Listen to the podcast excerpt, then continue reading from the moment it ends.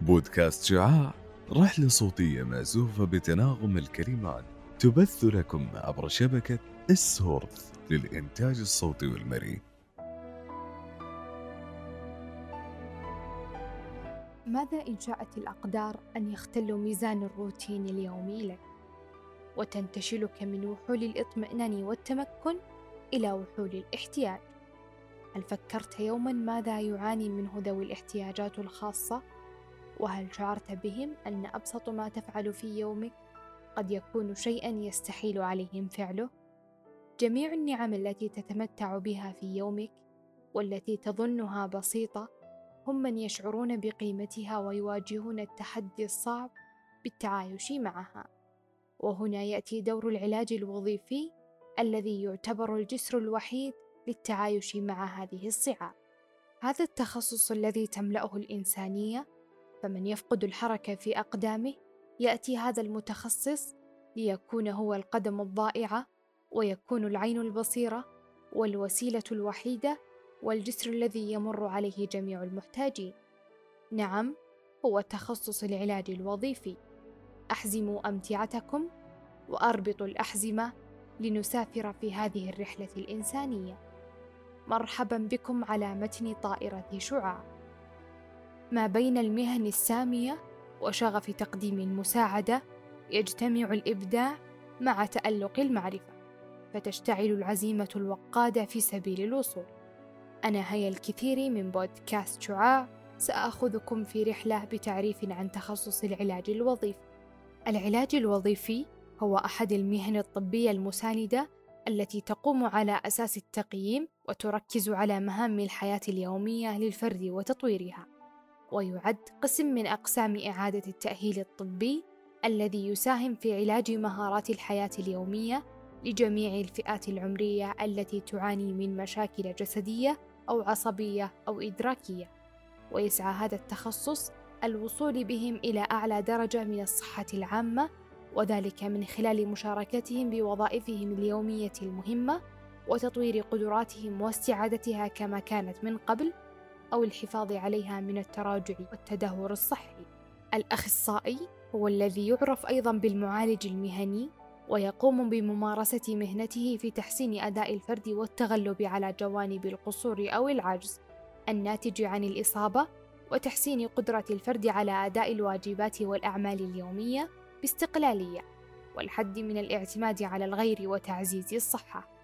وهنا يتبادر إلى الذهن سؤال قد تداوله الكثير: ما هي أهداف تخصص الإنسانية؟ إن عملية العلاج الوظيفي تبدأ بتحديد الأهداف التي على أساسها يبنى برنامج العلاج، وتشمل على اكتساب المهارات والتدرب عليها، يساعد المريض على اكتساب المهارات التي تنقصه وذلك باستخدام استراتيجيات فريدة مناسبة للصعوبات. إعطاء الواجبات المنزلية والتي تعزز وتحافظ على القدرات التي يتم تعلمها في اللقاء نفسه. ملائمة البيئة للاحتياجات وذلك من خلال بناء استراتيجية المريض الخاصة لمساعدته على العمل بشكل مستقل. توجيه الأهل وأفراد الأسرة. لكل رحلة محطة وقوف تميزها عن الأخرى وهنا توقفت طائرة شعاع لرؤية الميزة الجوهرية. فما هي؟ يعمل أخصائي العلاج الوظيفي جنبا إلى جنب مع مجموعة من الأخصائيين الآخرين مثل أخصائيين العلاج الطبيعي وأخصائيين النطق والممرضين وأخصائيين العمل الاجتماعي والمجتمع. وبالتالي تتكون لديهم دائرة معرفية واسعة وارتباط بمختلف التخصصات المرتبطة بعملهم. وهذا يساهم بشكل فعال في مساعدة المرضى والتحسين من صحتهم. وحتى يتميز الأخصائي بهذا الجوهر ما المهارات التي يجب أن يكتسبها؟ يجب أن يتحلى بالرحمة والصبر. يمتلك مهارة التفكير والتحليل. يحرص على التعلم والتطور والنمو المهني. التواصل الجيد مع الآخرين. يمتلك الفهم الحقيقي للتخصص. نأتي للتعرف على إيجابيات هذا التخصص. تخصص إنساني كونه يهدف إلى إعطاء الأمل والتفاؤل بالحياة لذوي الإعاقة ومن يطلبون الخدمة. مجالات عمل متعددة. توسيع آفاق ومعرفة الشخص في مجال إعادة التأهيل من أجل النمو والتطور الوظيفي. ينظر للمريض نظرة شاملة ويعالجه من جميع النواحي. نفسيا إدراكيا حسيا وحركيا. ومن السلبيات المنتشرة لتخصص العلاج الوظيفي في المجتمع الشهادة الجامعية لا تكفي لممارسة المهنة بل يتطلب أيضا شهادات أو رخصة لمزاولة المهنة. قد يقضي المعالجون ساعات طويلة في الوقوف وقد يحتاجون إلى رفع أو تحريك المرضى.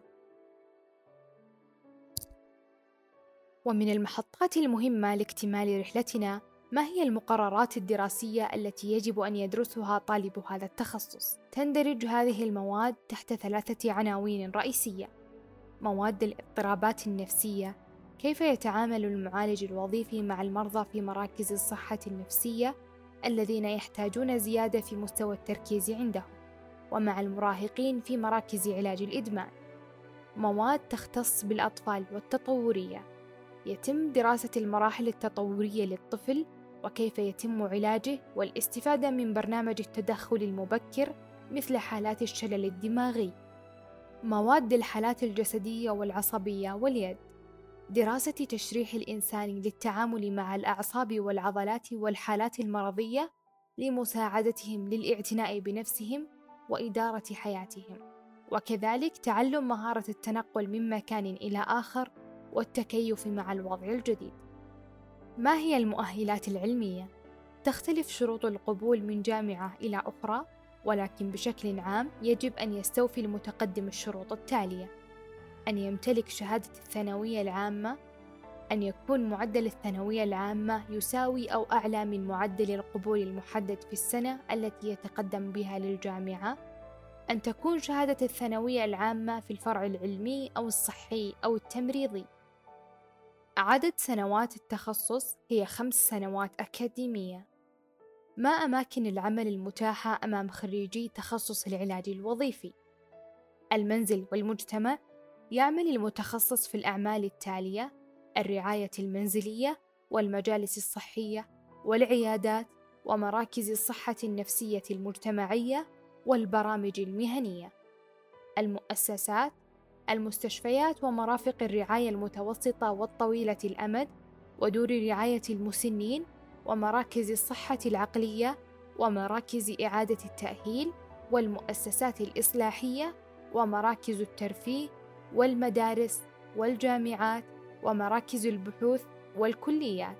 الصناعة والأعمال. الشركات المختصة بإعادة التأهيل وشركات التأمين والشركات المعمارية.